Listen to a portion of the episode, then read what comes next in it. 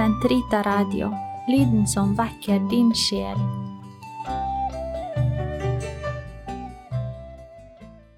Kroppens teologi, en kommentar til pave Johannes Paul 2.s onsdagskatekeser av Eirik Ambrosius Stenhoff. Totus tuus ego sum, et omnia mea tua sunt, archipio te in mea omnia, prebe mi cor tum Maria. Episode 14 Avholdenhet for himmelrikets skyld Katekesene 73–86. Del 2 Ekteskap og avholdenhet som kall Katekesene 75–78. I den første og andre delen av triptykken om kroppens teologi har vi sett hvordan mennesket, i den historiske situasjonen, er skapt til å leve i ekteskap mellom mann og kvinne.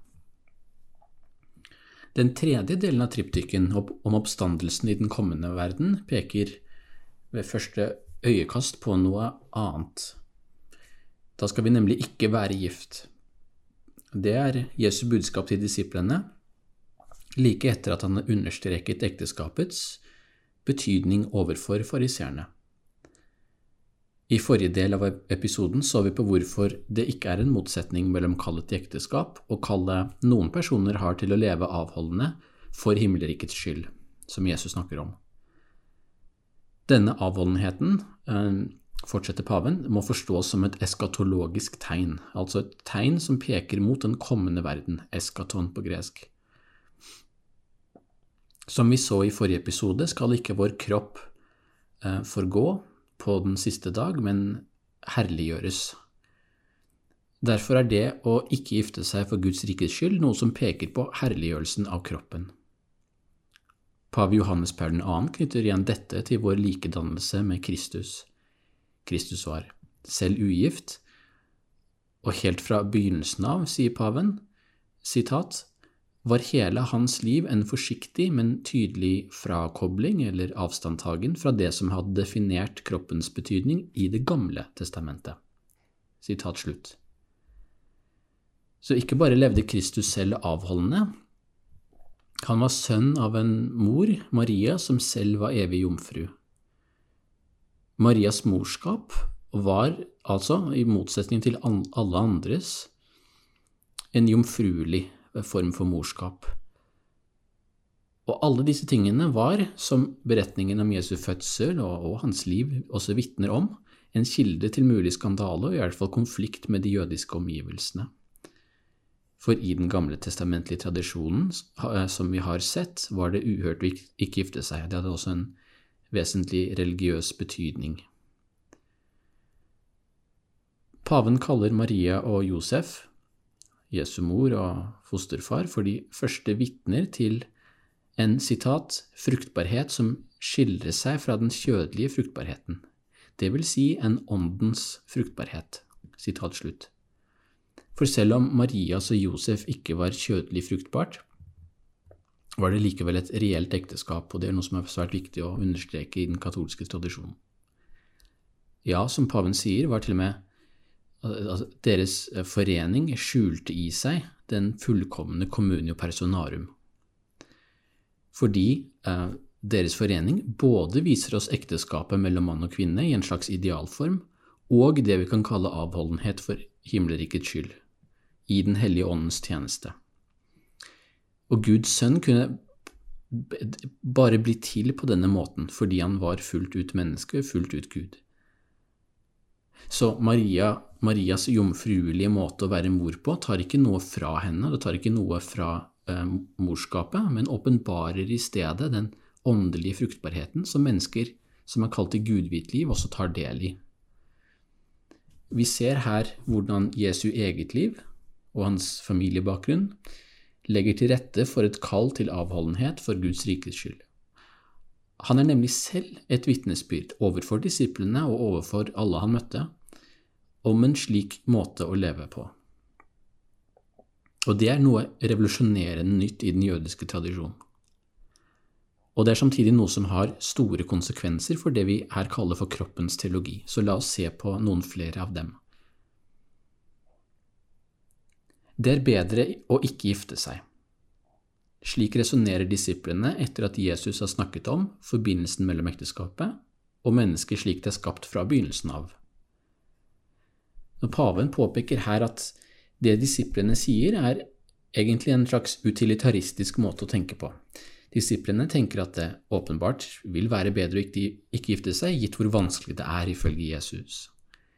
De, de vil gjerne tro på Jesu ord, men har likevel ikke helt forstått hva han mener. Men han besvarer disiplene, som vi har sett, ikke med å avvise ekteskapet, ikke ved å undervurdere dets betydning, men ved å presentere gudviet liv som et kall for noen personer. Ekteskapet forblir likevel normen for mennesket, og det har en grunnleggende verdi som en videreføring av Guds skaperplan. Avholdenheten for himmelrikets skyld har på sin side det han kaller en særskilt eller eksepsjonell verdi, nettopp fordi det er et unntak fra regelen om ekteskap og familie. Igjen peker paven på at dette ikke bare har en objektiv, men en subjektiv dimensjon. For når Kristus snakker om avholdenhet her, om å gjøre seg til evnukk for himmelrikets skyld i Matteus 19, peker han samtidig på den indre motivasjonen som en forutsetning for et slikt kall.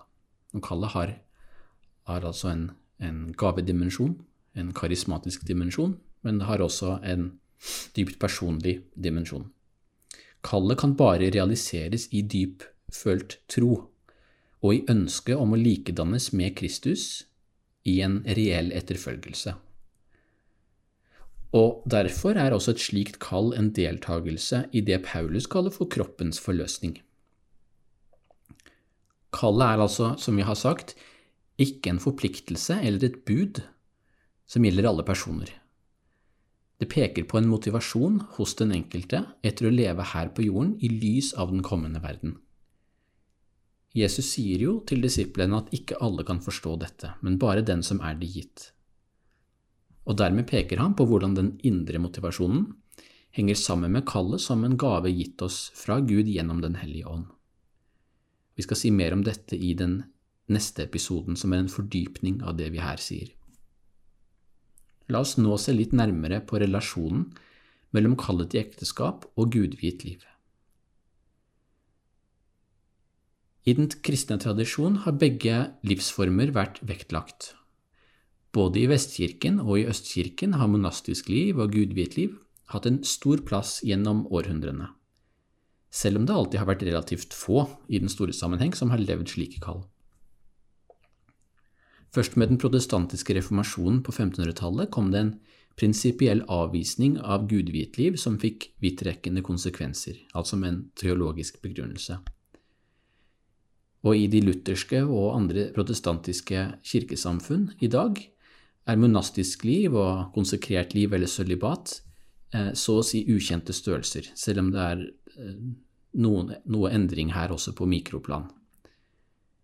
Og Bakgrunnen for dette er av stor teologisk og kirkehistorisk betydning, selvsagt, men blir um, til dels en avsporing her. Noe kan likevel sies.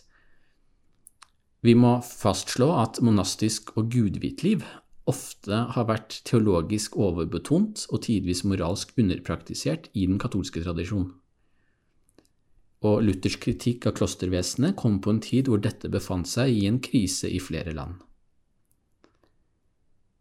Men den historiske realiseringen av gudviet eller sølibatært liv er likevel noe annet enn de teologiske begrunnelsene for et slikt liv.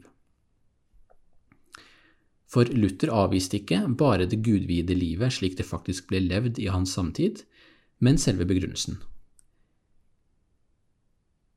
I den katolske tradisjonen på sin side har gudviet liv ofte blitt fremstilt som av en overlegen karakter.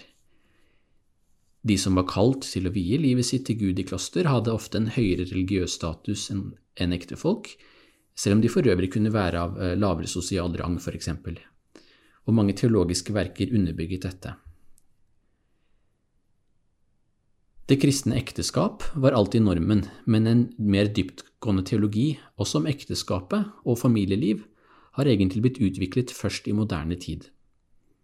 Og her er pave Johannes Paul 2.s egne verker av sentral betydning, ikke minst disse onsdagskatekesene som vi nå er halvveis gjennom snart.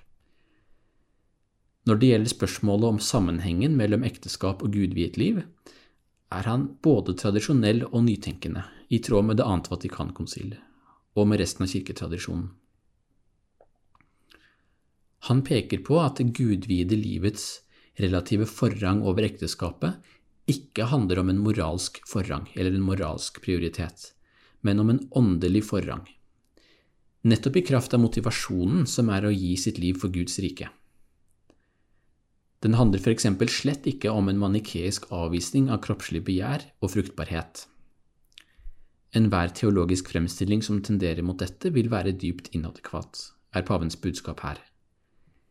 Det vi heller må si, sier han, er at de to stender, for å bruke et litt gammeldags uttrykk, som det ekteskapelige og gudvide liv utgjør, at de faktisk utfyller hverandre og belyser hverandre innenfor den samme kristne kirke. Det kristne fellesskap er som helhet eskatologisk orientert, altså mot de siste ting. Vi er alle orientert mot de siste ting. Som kristne deltar vi gjennom vår tro eh, i den kommende verden, her og nå. Derfor har det gudvide liv en særskilt betydning nettopp for de som lever i et ekteskapelig liv. Og dette eh, byr på et helt annet perspektiv enn den angivelige motsetningen mellom disse måtene å leve på. For å være gift eller å forbli ugift betyr ikke at de førstnevnte er eh, mindre og de sistnevnte er automatisk mer fullkomne, i en moralsk forstand. Fullkommenheten er i stedet basert, sier paven, på vår grad av kjærlighet. Den kan realiseres i alle livsformer, ut fra de bestemte forventningene som finnes i hver av dem.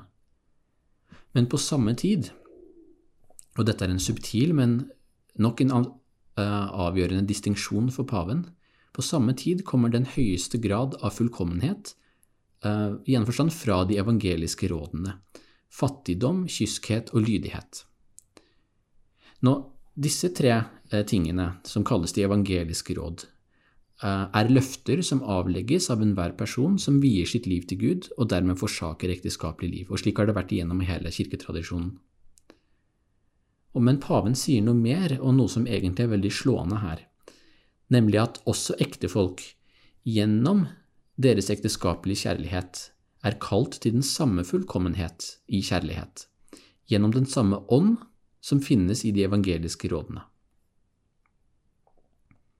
Med andre ord, vi kan si at både ektefolk og de personer som har forsaket ekteskapet for himmelrikets skyld, nettopp fordi de deltar i den samme ånd, er kalt i den samme fullkommenhet. Men de gudvide personer gjør det på en, en eksklusiv måte, i den forstand at de lover fattigdom, kyskhet og lydighet for å kunne leve for Gud alene i denne verden, som et eskatologisk tegn. Men giftepar er også kalt til den samme selvforsakende kjærlighet, selv om den leves ut delvis gjennom den andre parten i ekteskapet.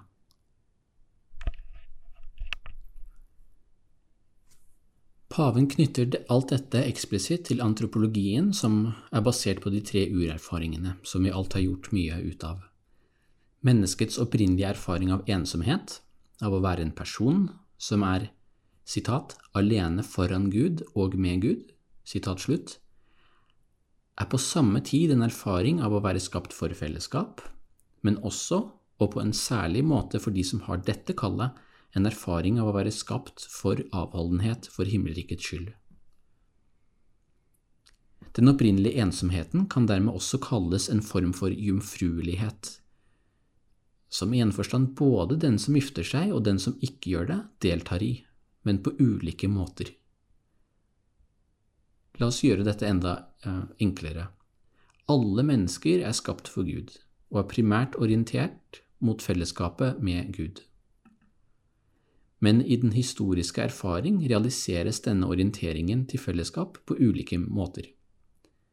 Den som velger avholdenhet for Guds rikets skyld, eller har dette kallet, realiserer den ved å bli, bli en oppriktig gave for andre på en annen og i denne forstand bredere måte enn den eksklusive gaven mellom to parter i et ekteskap. Tvert imot må den eksklusive gaven i ekteskapet nettopp forsakes for at den større gaven skal kunne realiseres. Så fra dette perspektivet er det um, den, det gudvide livet som er um, et uh, bredere kall.